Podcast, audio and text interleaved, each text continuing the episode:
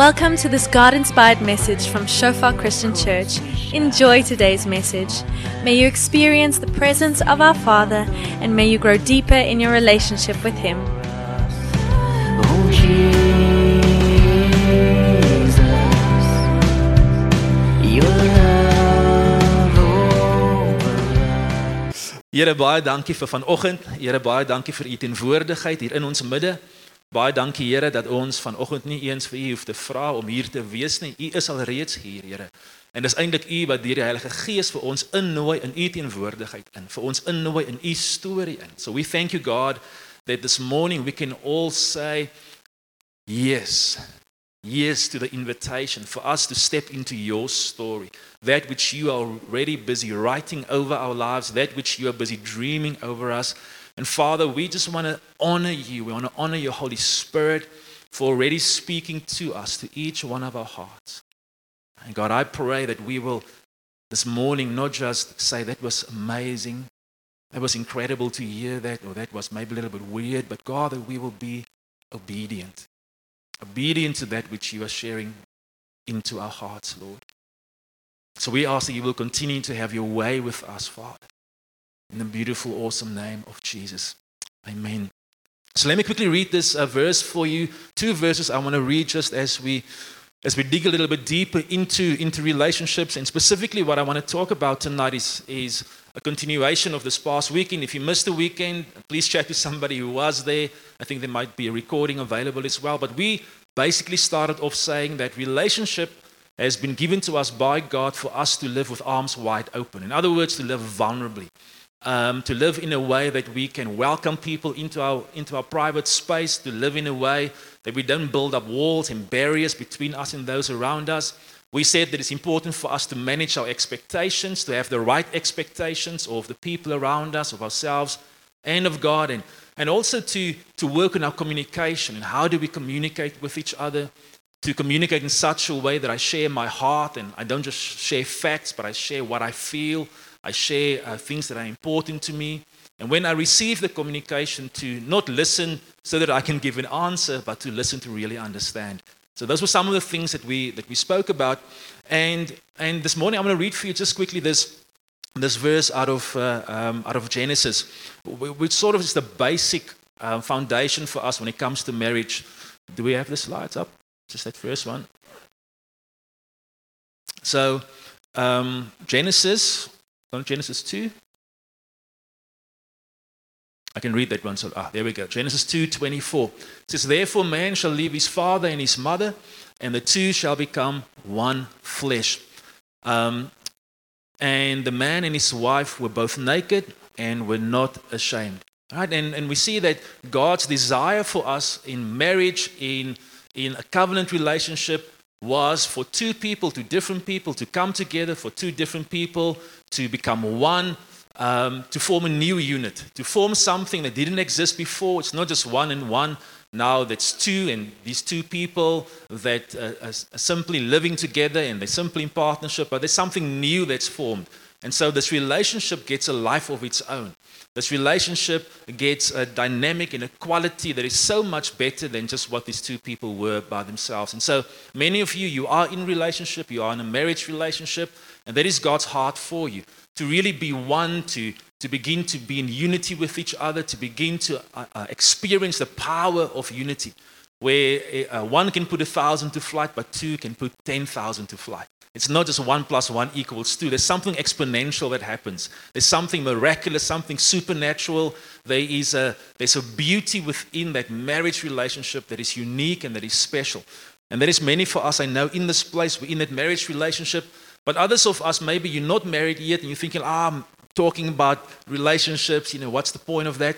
And for us, I want to read Psalm 133, which is the sort of the foundation. It's one of the shortest Psalms in the Bible, but it's a powerful Psalm, okay? And it says the following. Um, sorry, I sent the guys the wrong slides earlier this, this morning. So please forgive us for just trying to get onto the right page. So Psalm 133, um, verse 1 says, Behold how good and pleasant it is when brothers dwell in unity. And behold how good and how pleasant it is when brothers dwell in unity. Um, David writes that psalm, and he writes that psalm um, as they are ascending, as they're going up to the house of the Lord. And as he's going up to the house of the Lord, this song erupts out of his heart. And he's like, Behold, look how beautiful it is when brothers and sisters, when they dwell in unity. And it's like an exclamation mark, right? He's shouting it out. And I was thinking about this. David's relationship with his own brothers was tough. I don't know how many of you guys remember the story when David is anointed to be the king of Israel. Everybody else thought that his brothers would be better suited to be king. Nobody thought of David. Um, later on, when David goes to the battlefield to take them some food, maybe some, some curry or some Kentucky, you know, he's, he's going to go and bless them. All David wants to do is to be a blessing to his older brothers. Dan trappel hom uit van ja, wie dink jy is jy? Ons weet jy's hierso net omdat jy 'n bietjie aksie soek en jy dink jy's beter as ons. So sy verhouding met sy biologiese broers was nie so wonderlik geweest nie, nê? Maar as iets wat gebeur het, soos wat hy gewandel het met God, soos wat hy ehm um, met God se mense begin stap het, soos wat hy opgaan na die huis van die Here toe, is daar 'n openbaring wat in sy hart losgemaak word wat verby sy ervaring gegaan het met sy biologiese familie. Nee, in sy biologiese familie was dinge rof. Dit was nie so maklik nie. Sy pa het vergeet van hom. Nee, uh uh die profeet Samuel vra vir sy pa, um bring al jou seuns van God wil vandag iets amazings doen in jou huis. God wil God wil vandag die nuwe koning kies.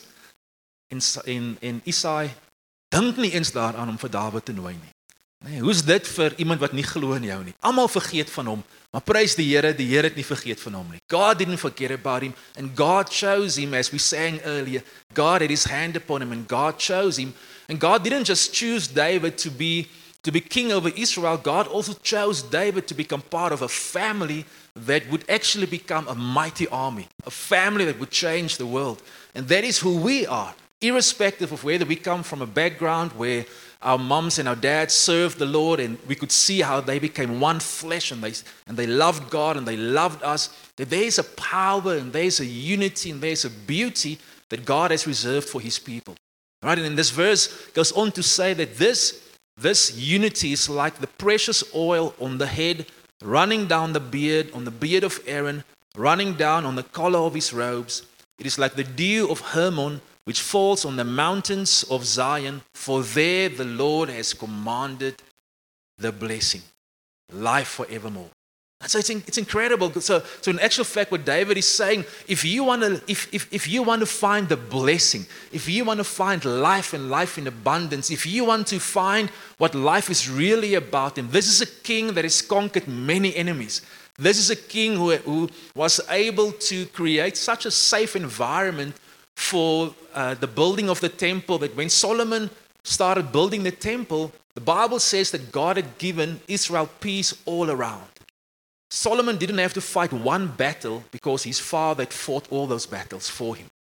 He had defeated all of Israel's enemies. He had made peace treaties with everyone around Israel so that the next generation could live in peace. This was a man of war. This was a man that slew uh, Goliath, the giant. This was a man that knew what it meant to be powerful, to be influential. But he says, if you want to know what blessing is really about, don't go and look to the might of the army. Don't go and look to the strength of the horse. Don't go and look to the guy with the biggest sword. Go and look for unity. If you want to know what life is really about, if you want to know where blessing is really to be found, the blessing isn't found in the mightiest battle, the biggest army, the unity. The blessing is found where brothers, family dwell together. It says that there where, there where brothers dwell together, it's almost like it's inevitable God does something. God commands a blessing. En God spreek 'n woord en en en ek weet nie van julle nie, maar ek wil in daardie atmosfeer en in daardie omgewing en in daardie posisie leef van waar God 'n blessing kan spreek oor my. God se woord waar God iets loslaat uit die hemel uit. En dis nie asof asof dit 'n uh, uh, it's not a suggestion says the Lord commands a blessing. Met ander woorde, daar's 'n momentum, daar is 'n energie, daar is iets wat vrygestel word wat geen demoon, geen mens, geen mensgemaakte struktuur kan stop nie want God spreek dit. God commands the blessing. He doesn't just suggest it, he commands it. He releases it. And so when we talk about relationship and when we talk about community and when we talk about being a family, that's what we are after.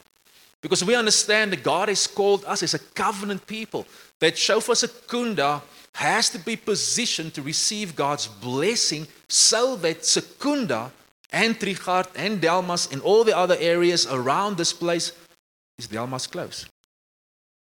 Close enough, all right? You know what I mean, all right? So that this entire region can be blessed. Right, God's desire isn't just for us to have a kumbaya, great, amazing experience and our relationships to be incredible and blessed and healed. His desire is that the oil can drip from Aaron's head down onto his beard, onto his clothes. In other words, so that it can overflow. God is a God of overflow. He's a God of overflow. The mistake we sometimes make is we want to prescribe to God how He must bless us, and that, be- that begins to become dangerous. But what is true is God is a good God. He's a Father God, and He wants to restore relationships, and He wants to give us life forevermore. Maar nie net vir my nie, nie net vir my vrou nie, maar vir almal om ons. En soos Rolien gesê het, dit is hoekom ons moet daai deksel afhaal. Net sodat dit wat binne in jou is kan deurvloei.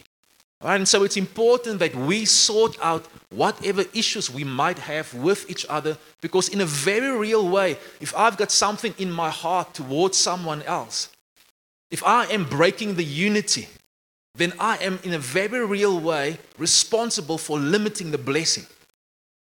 'n dit dis is 'n rowwe een, hè? But if, if I am contributing to disunity, if I'm breaking down instead of partnering with those around me that God has called me to walk with, then there is disunity. And where does God command His blessing? He commands His blessing in unity. Right? So ek wil nie 'n struikelblok wees vir die blessing wat God oor my gesin, oor my geloofsgemeenskap wil spreek nie. Daarom wil ek vinnig wees om staf uit te sorteer. I want to be quick to repent. I want to be quick to forgive. I want to be quick to be reconciled to those around me. Because I understand that my heart, in a very real way, can be a channel or a stumbling block to the blessing that God wants to release. Our world needs God's blessing. Our world needs God's, God's, God's, God's kingdom to come, right, in a radical, powerful way. And, and Nick and myself, we have just been so overwhelmed to, to hear the stories of transformation, to hear the stories of generational um, ruins that are being rebuilt because of how you guys are submitting yourselves to the Word of God. But not just to the Word of God, also to community, where the Word of God can be spoken within community. Want iets gebeur wanneer jy op jou eie is, nee, selfs selfs met die woord van God kan ek op my eie 'n klomp leuns glo. Ek ken Jesus in my hoekie, we gaan nou lekker elkeen van ons in ons hoekie, nê, nee, jy's jy's daar en en jy is nie okay in jou hoekie nie. We are not okay in our little corners.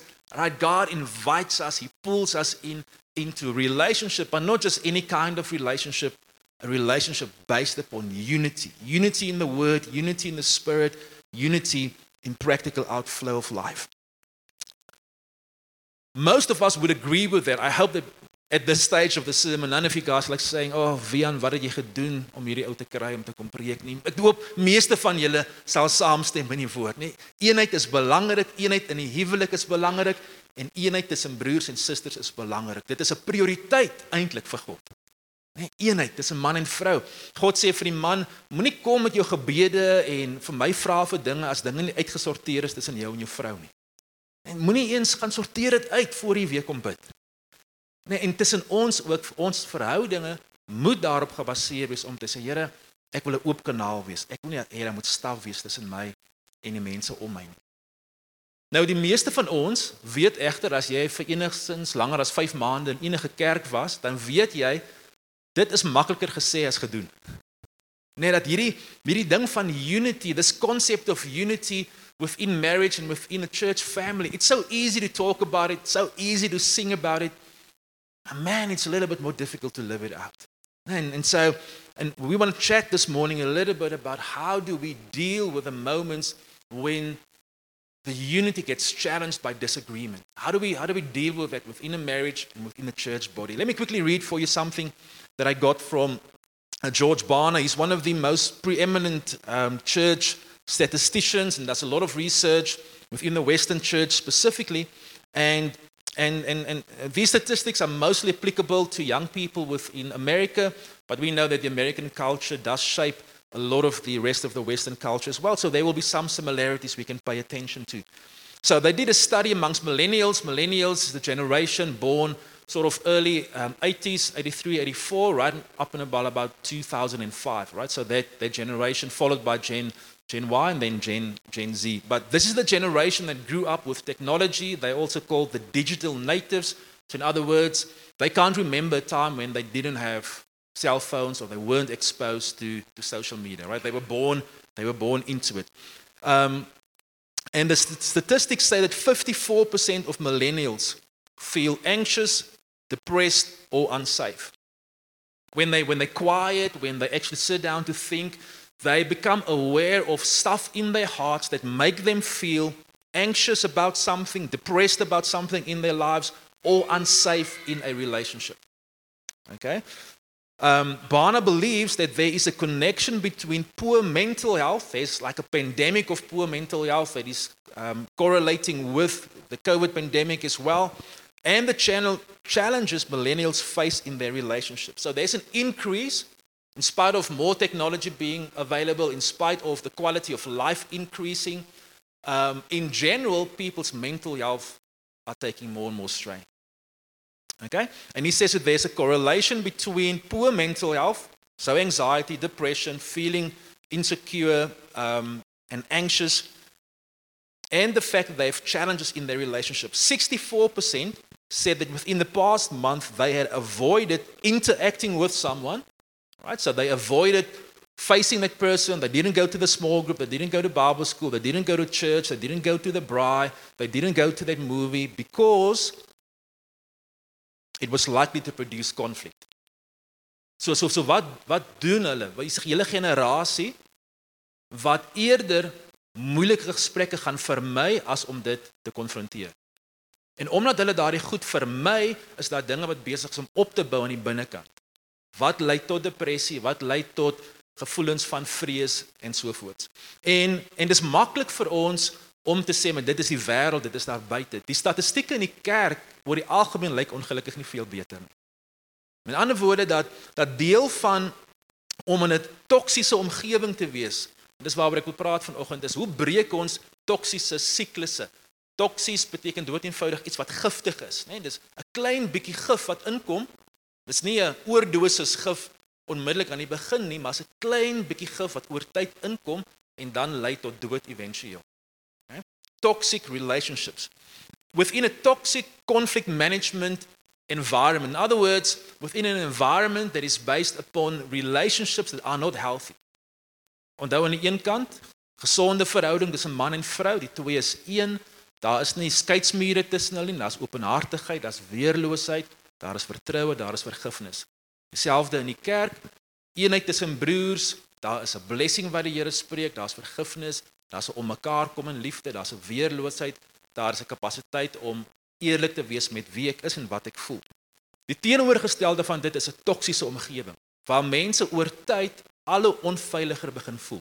Gewoonlik begin dit baie goed, almal is gelukkig, is happy met mekaar, maar dan oor tyd kom jy net agter die persoon wat 2 maande terug hier was, is nou nie meer hier nie. Dit wat so lekker gevoel het en maklik gevoel het, is nou 'n bietjie moeiliker. Okay? So there are a lot of um, characteristics of toxic relationships. The one is, and this is a term that my 14 year old taught me, ghosting. Weet julle wat ghosting is? Do you guys, the young people, know what ghosting is? When you ghost someone? Is iemand wat weet wat beteken ghosting? Ja. Jy ignoreer die persoon dood eenvoudig, né? Nee? So So uh, uh, jy het 'n verhouding met iemand, iemand sê vir jou iets en jy reageer net dood eenvoudig nie. Jy ghost hom, alright? Jy is nie Ghostbusters waarmee van ons groot geword het nie. Jy ignoreer die persoon. You just all of a sudden you guys have a great relationship. You you talking, you communicating, you chatting about a lot of stuff and then you just like it just goes dead. One day, two days, three weeks, a month, no response whatsoever. It's breaking a relationship without any explanation given. Okay? ghosting is you in a relationship something happens and and instead of talking about it jy sê net joops dankie totsiens cheers okay that's ghosting gaslighting you know what gaslighting is In Secunda, you guys should know what gaslighting is. Anybody? Gaslighting is a form of manipulation, okay? Where within a relationship, you manipulate somebody on an emotional level to such an extent that that person begins to doubt their sanity. They begin to doubt, did I really say that? Um, was it really what happened? Because you keep on playing these mind games with that person and you keep on twisting their words and you make them actually un, unsure about who they are. And so isolation creeps in, relationships with family starts to break up because this person becomes all more and more insecure, unsafe about wie is ek nou eintlik? Wat het nou regtig gebeur? Het ek dit gesê? Het iemand anders dit gesê? That is gaslighting, right? Avoidance or distraction is another toxic way of handling conflict. And that simply means I, I I'm, I'm maybe I'm not avoiding the person yet, but I'm I'm just avoiding that topic. Nou so ons gaan oor enigiets praat, ons gaan net nie praat oor wat het gebeur by die braai nie. Ons gaan oor enigiets praat, ons gaan net nie praat oor wat dit ook al is nie. Jy avoid heeltemal die onderwerp. Of in die gesprek wanneer jy by hy punt kom jy moet gesels oor wat gebeur het op hy mission trip of wat het gebeur by die werk, dan praat jy sommer gou vinnig oor het jy gelees in die koerant wat het gebeur met daai ou, het jy dit raak gesien? You busy with distraction. Okay, escalating tensions is where you're just ramping it up, you're just throwing more things on the fire. So instead of just being able to deal with one topic, you just throw more things on. You bombard the person with everything they're doing wrong. En so iemand wil met praat oor een ding en dan kom jy net in soos dit You come down on them like a ton of bricks, the English uh, saying. And you just you escalating things so much so that the person doesn't know where to begin to tackle this issue. Um, another toxic way of handling conflict is through medication. Again, medication through sports, alcohol, work, church, books, movies. In other words, what happens instead of facing an issue, you escape into something else. You medicate yourself. So many people use physical medicine or drugs or stuff, alcohol, but a lot of people, especially within a religious environment, wouldn't go that far, and so the guy just keeps on, he runs further than he has run before. He spends more time on the road instead of chatting to his wife. Uh, more time on the mountain bike, in our case, down in Cape Town, more time surfing, more time in the mountains. Um, work just begins to work more and more. In actual fact, becomes addicted to work because he feels more in control at work. Church, serving everywhere, um, at intercession, uh, small group, Tuesday, Wednesday, and Thursday, um, everywhere, all the church activities, because church is a better place to be than at home or amongst friends. And with all the busyness, you never actually really get to know that person because they're always busy just doing stuff. Right? Please serve, please be involved, but don't run away from your issues by serving. Okay?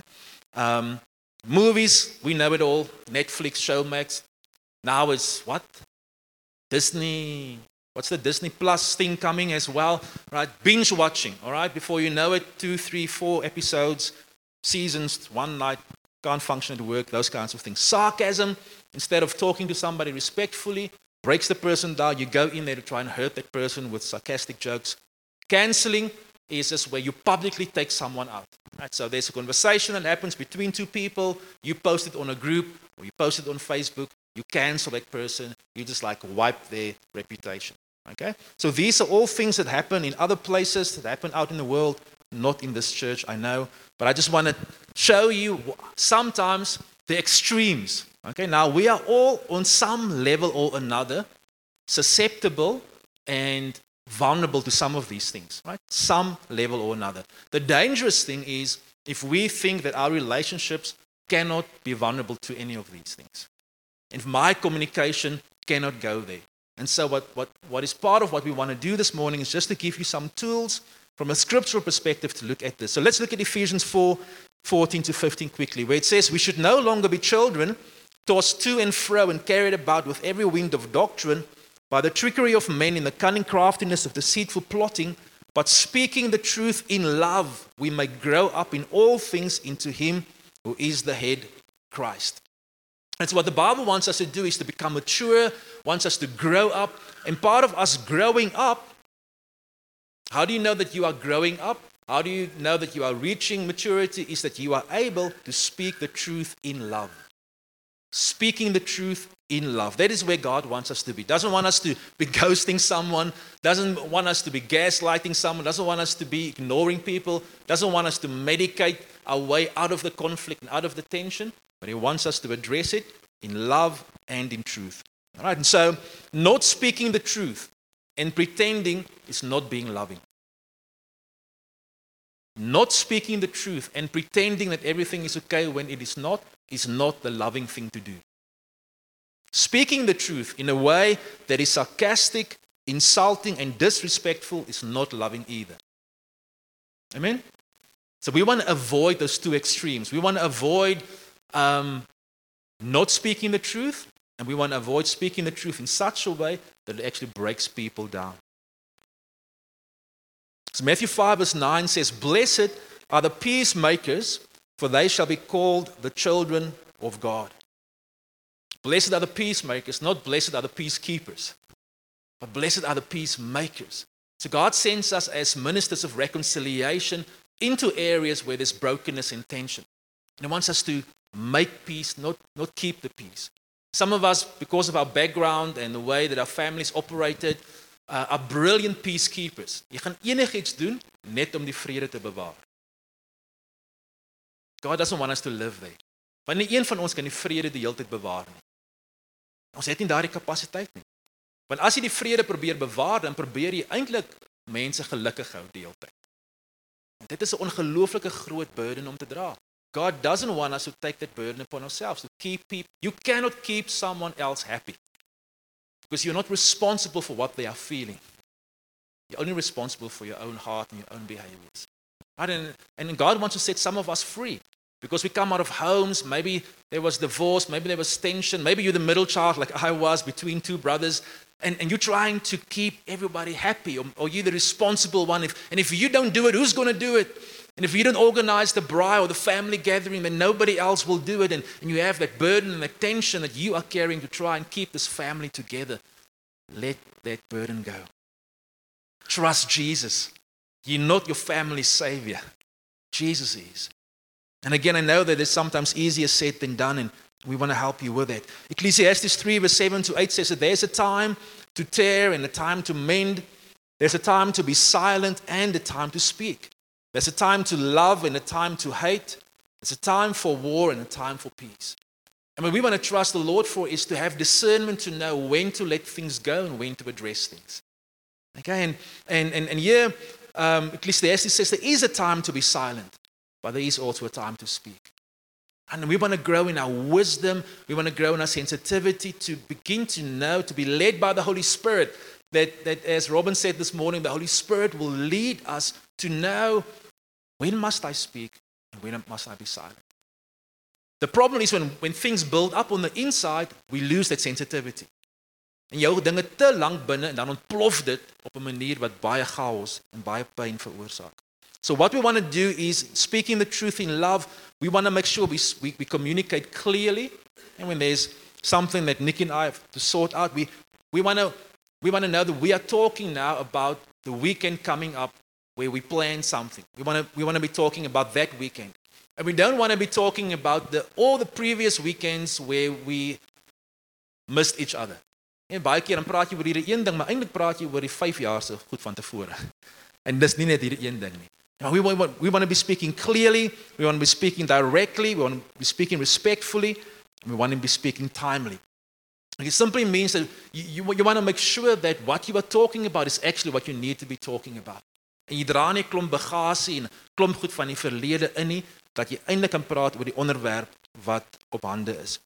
Okay, conflict is not a sign that you have married the wrong person or that the friendship is bad. Nee, konflik om konflik te hê, om 'n verskil te hê tussen vriende, om konflik te hê in kerk beteken nie dis die verkeerde kerk vir jou nie. Om konflik te hê in 'n klein groepie beteken nie dat dis die verkeerde klein groepie vir jou nie. Ek weet nie wie van julle dalk kan onthou jou eerste oomblik van konflik in die kerk en hoe ontnigter jy dalk was nie. Want jy het gedink ons hier is net amazing die hele tyd. En net incredible die hele tyd en mense in die kerk is mos kinders van die Here en die kinders van die Here moet mos anders wees as die mense in die wêreld en en hulle is dan lief vir God en ons gaan nie mekaar seermaak nie en dan hey Dan gebeur dit, né? Iemand sê iets, iemand maak 'n grappie, iemand vergeet iets. Iemand het net iets mooi deurgedink en ons maak mekaar seer want ons is mense. En daar waar ons mense het, daar gaan ons konflik hê en ons gaan pyn hê, maar hoe ons dit hanteer is die sleutel. Nee, dis dis mense kan in in, in eintlik in realiteit sê dat 'n verhouding waarin daar geen konflik is nie, is dalk nie 'n heeltemal gesonde verhouding nie. Nee, 'n verhouding waarin daar geen konflik is nie. Met ander woorde, daar is daar is daar is daar's geen verskil tussen hoe ek iets sien en hoe iemand anders iets sien nie. Ek was baie baie jare gelede op op universiteit moes ek moes ek hierdie eintlik uitleef. Ehm um, so in my vriendekring en die meeste van my vriende destyds op universiteit, toe ons studente was, die All Blacks ondersteun in in rugby. Right? Dit is maar nou historiese historiese ding wat gekom het met apartheid en al die goed. So die ouens was vir die All Blacks eerder as vir die Springbokke. Ek Springbok man. Right? So Springbok ou, nou moet jy in in hierdie vriendekring wat almal vir die All Blacks is, moet jy jou Springbok trui dra. Nou jy moet jy moet jy moet daai Springbok baadjie aanhou in jou in jou hart. En dis 'n eenvoudige ding, dis dis dis sport, maar dit gaan oor soveel meer as sport. Dit het eintlik gegaan oor hoe voel jy oor jou land? Dit het gegaan oor hoe voel jy oor die mense om jou? Dit het gegaan oor hoe sien jy mense van van ander kulture? Dit was soveel meer as net die sport gewees. En dit was dan maklik vir my om tussen ander vriende uh Springbok ondersteuner te wees en saam te praat oor hoe opgewonde ek is oor die Springbokke. En in daai tyd het ons net vir Chester Williams gehad wat iemand van kleur was in die Springbok span. Dis soos vandag nie, né? Die dinge was 'n bietjie bietjie anders gewees toe, maar ek was opgewonde oor my span ongeag van van van velkleur van wie gespeel het. En as ek tussen my ander vriende en die ouens gun net vir die Springbokke en ek moes maar ek back die ouens. Nee, en dit het my iets gekos en ek moes besluit as ek 'n verkleur mannetjie wat hier die Springbokke gaan ondersteun en daar die All Blacks gaan ondersteun. Nee. En en vir baie van ons en dis nou 'n eenvoudige voorbeeld, maar baie van ons leef in hierdie spanning want jy leef soos 'n verkleermannetjie. Nee, jy probeer verskillende mense gelukkig hou en jy pas aan by verskillende mense so so opinies want jy wil die konflik vermy. Right and God hasn't called us to live in that way. And, and sometimes conflict can be something minor like argument about socks. You in this house with different people live together. Some of the guys they don't wash up after themselves. You know, it's not, it's minor things that can grow and become something bigger. It can be like who's packing the dishwasher. You know, pakkie dit met die messe wat opwys, pakkie dit met die messe wat afwys. Wat is die regte manier? Anyway. weet, dinge soos dit kan lei tot tot konflik, kan kan lei tot argumente en of dit kan groter goed wees as na watter kerk toe moet ons gaan. Nee, een ou is in een gemeente, raak verlief op 'n meisie in 'n ander gemeente en nou moet hulle begin gesels oor waar gaan ons dien? Watter kerk gaan ons gaan ons wees? Watter kerk gaan ons ons kinders grootmaak? Uh, gaan ons nou 'n babatjie hê of of nie? Wanneer gaan ons die babatjie hê? Watter naam gaan ons die kind gee? Dit begin word groter groeiende dinge. Hoe ons die konflik hanteer hang af van ons ingesteldheid en in sekere gevalle kan dit opbouend wees of dit kan afbreekend wees. En so so konflik is nie die probleem nie, dit is dood eenvoudig hoe ons dit hanteer. It can be destructive or it can be constructive. Uh, um conflict can ruin or shape a moment, an evening, a week, a month or a lifetime. We spoke to the guys over the over the weekend how many dates we had, Nikki and I had that you know there were moments there where it's yo it's borderline of hierdie hierdie hierdie date gaan of baie goed gaan of dit gaan afgaan nê, afhangend van hoe ons sekere situasies hanteer. En ongelukkig het ons hulle nie hulle nie altyd goed hanteer nie. Baie keer was daar gevalle gewees wat ek uit die restaurant gestap het en gesê het, maar dit was nou 'n baie duur argument gewees. En ek klomp geld betaal, dit op gaan sit en beklei. Soms naweke wat jy spandeer van waar jy deur goed moet werk. Maar ander kere stap jy weg van dit af en jy het eintlik iets wat uit die konflik gekom het wat goed was wat volgende dates beter maak volgende naweke beter maak, volgende seisoene beter maak as gevolg van die feit oor hoe ons hierdie een hanteer het. Right and so so be aware that just avoiding conflict its impact on how you handle conflict is beyond just a one moment. It has a ripple effect into the future as well. Again, and if we if we handle it right, conflict can help us to love deeper, can help us to support each other and to encourage each other as well. If conflict is inevitable, in other words, it's a normal part of life, even in church. En ek weet vir baie van julle is dit dalk nou 'n skok, maar dit is onvermybaar, né? Nee? Jy hoef nie weg te hardloop van dit nie. As dit onvermybaar is, dan moet ons 'n plan hê van hoe ons dit hanteer. Hoe gaan ons konflik hanteer. En die eerste ding is om te besef ons moet leer om beter te luister. Uh, Jakobus 1 vers 19 tot 20 sê Know this my beloved brothers let every person be quick to hear slow to speak and slow to anger for the anger of man does not produce the righteousness of God. Ek moet big baie keer in my eie lewe as ek uh, vinnig om te praat, vinnig om kwaad te raak en stadig om te luister.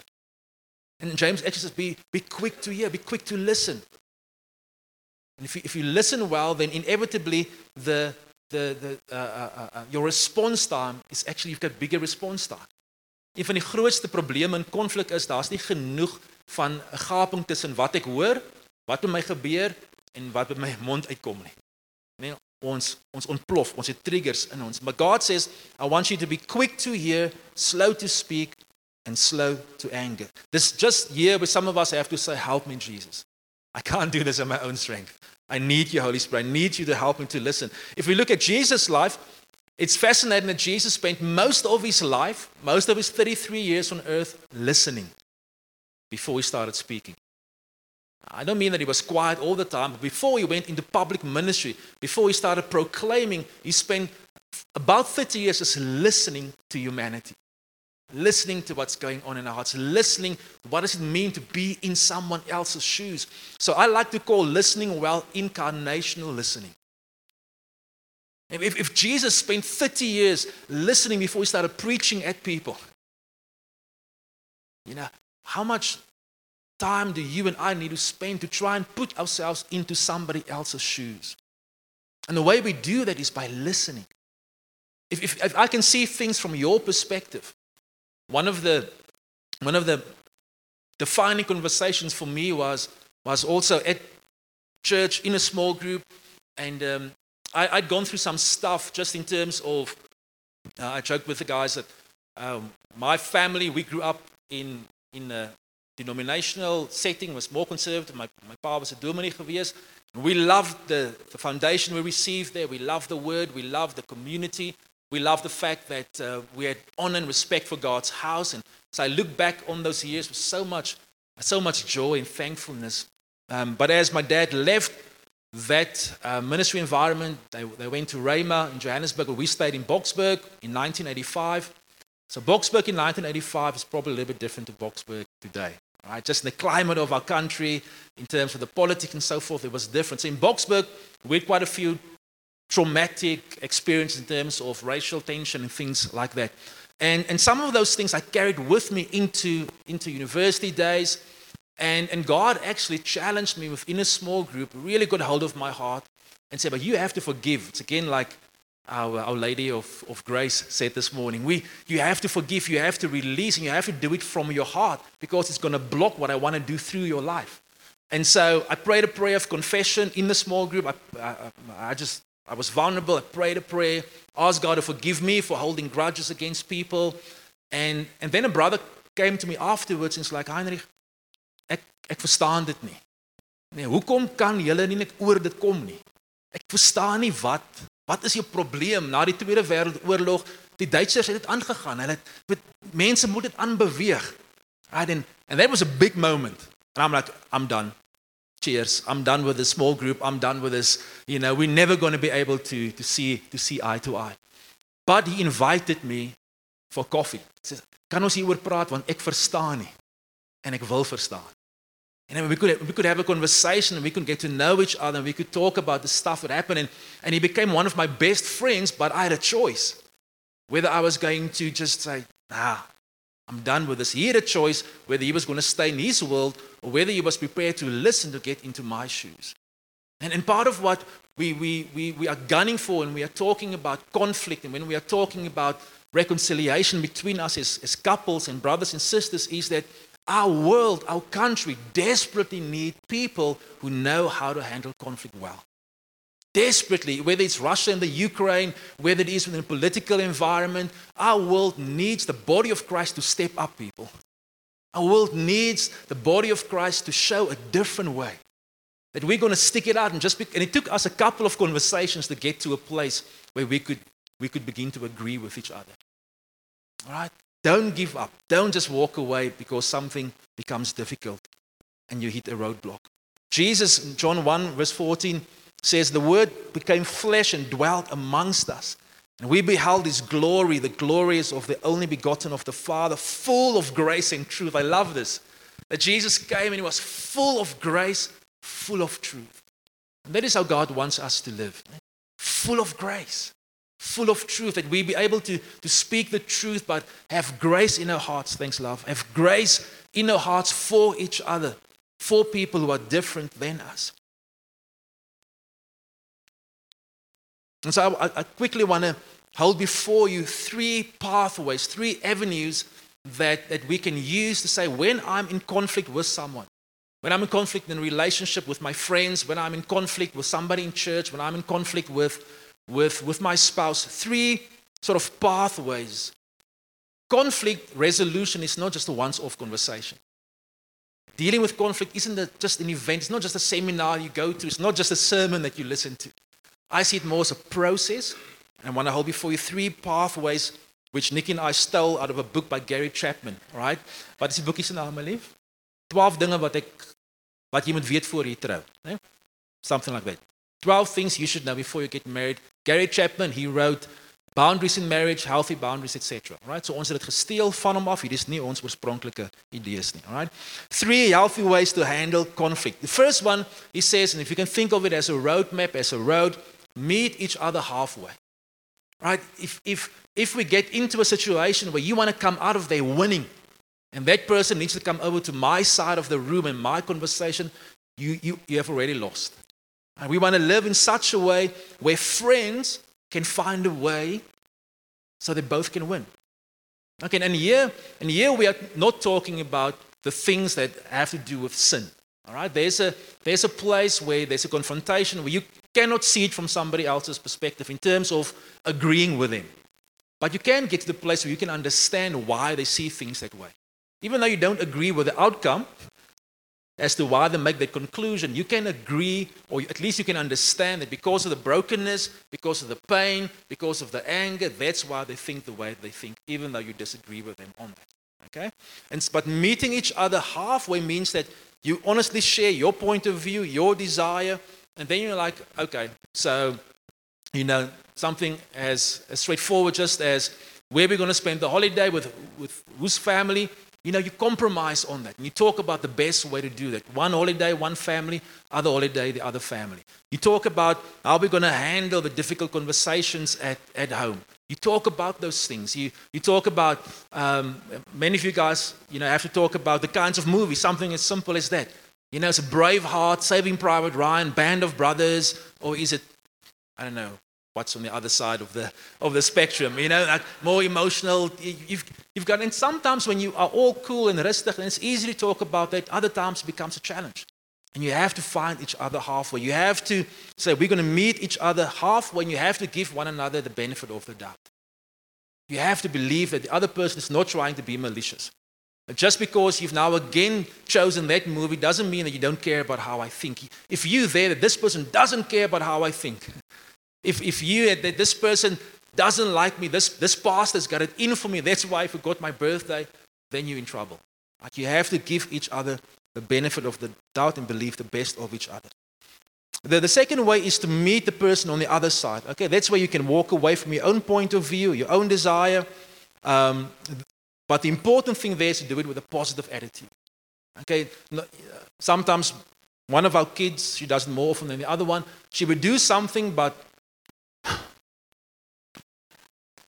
you know, the feet go, you hear her going down the hall, she will do it, but, and she will say it's okay, I will do it, but you can see it's not okay. That's, that's emotional manipulation. She actually wants you to change your mind. She doesn't going to tell you she wants you to change your mind, but she's going to everything in her body language. So when we say okay, when we say no, it's all right. I'll step back. I'm not going to go on the hunting trip this weekend. It's fine. We can visit your parents. To do it with a good attitude. Right? You stepping away from what you want to do into somebody else's life. And if you do it and you're going to hold that against them two weeks later, two months later, Ek het mos gesacrifice. Dis nou jou beurt. Okay, that's not what we want to do, right? You want to meet somebody on the other side joyfully. You want to do it with grace, and you want to, you don't want to make the person feel bad that you are meeting them there. Okay, and then the last one is meet each other later, right? So the first one is meet each other halfway. The second one is meet each other on the other side, and the other one is meet each other later. All right, but you have to agree to disagree on something that both cannot compromise on without hurting their conscience. You've got to agree to disagree. Right? So maybe just a vulnerable um, uh, uh, example. So when Nikki and I, when we got married, or before we got married, and we had the discussions about getting married and and and, and just dreaming together. We found out that we were on, the, on different pages in terms of kids. Right? I was much more eager and readier to have kids than Nikki was. Nikki was, in actual fact, not sure whether she wanted to have kids. And, and I had to, in my own heart, I had to decide was this going to be a deal breaker for me or not? In other words, was I going to marry someone because I want to marry her as the mother of my kids, or was I going to marry her and do I love her irrespective of whether we have kids or not? Okay? And I had a word from God about the fact we were going to have kids, but I had to, in my own heart, say to myself, all right, okay, I'm going to park this, I'm giving this to the Lord, and if, if this is from God, then this is going to come to pass. But I'm not going to hold this against Nikki, but I had to make a choice. Were the kids going to be more important to me, or was it the woman? And, and, and that is where many of us have to decide this thing that I am standing on now is the deal breaker. Is it worth picking a fight? Is it worth destroying the relationship over? And sometimes you just have to park and say, okay, we'll talk about it again. We'll talk about it again a little bit later. It's fine. I'm not going to force it on you. I know what God told me, but um, man, can't wait to get married to you. And then she was ready before I was for kids. And I'm like, like, whoa! God worked it out. Okay, because sometimes it's better to just give a thing into God's hands. And so this, so this morning, I want to I wanna really ask you to just take a moment and to just think about the way you handle conflict. And is, is there the, the grace and truth, is that something that's, that's part and parcel of how you handle things?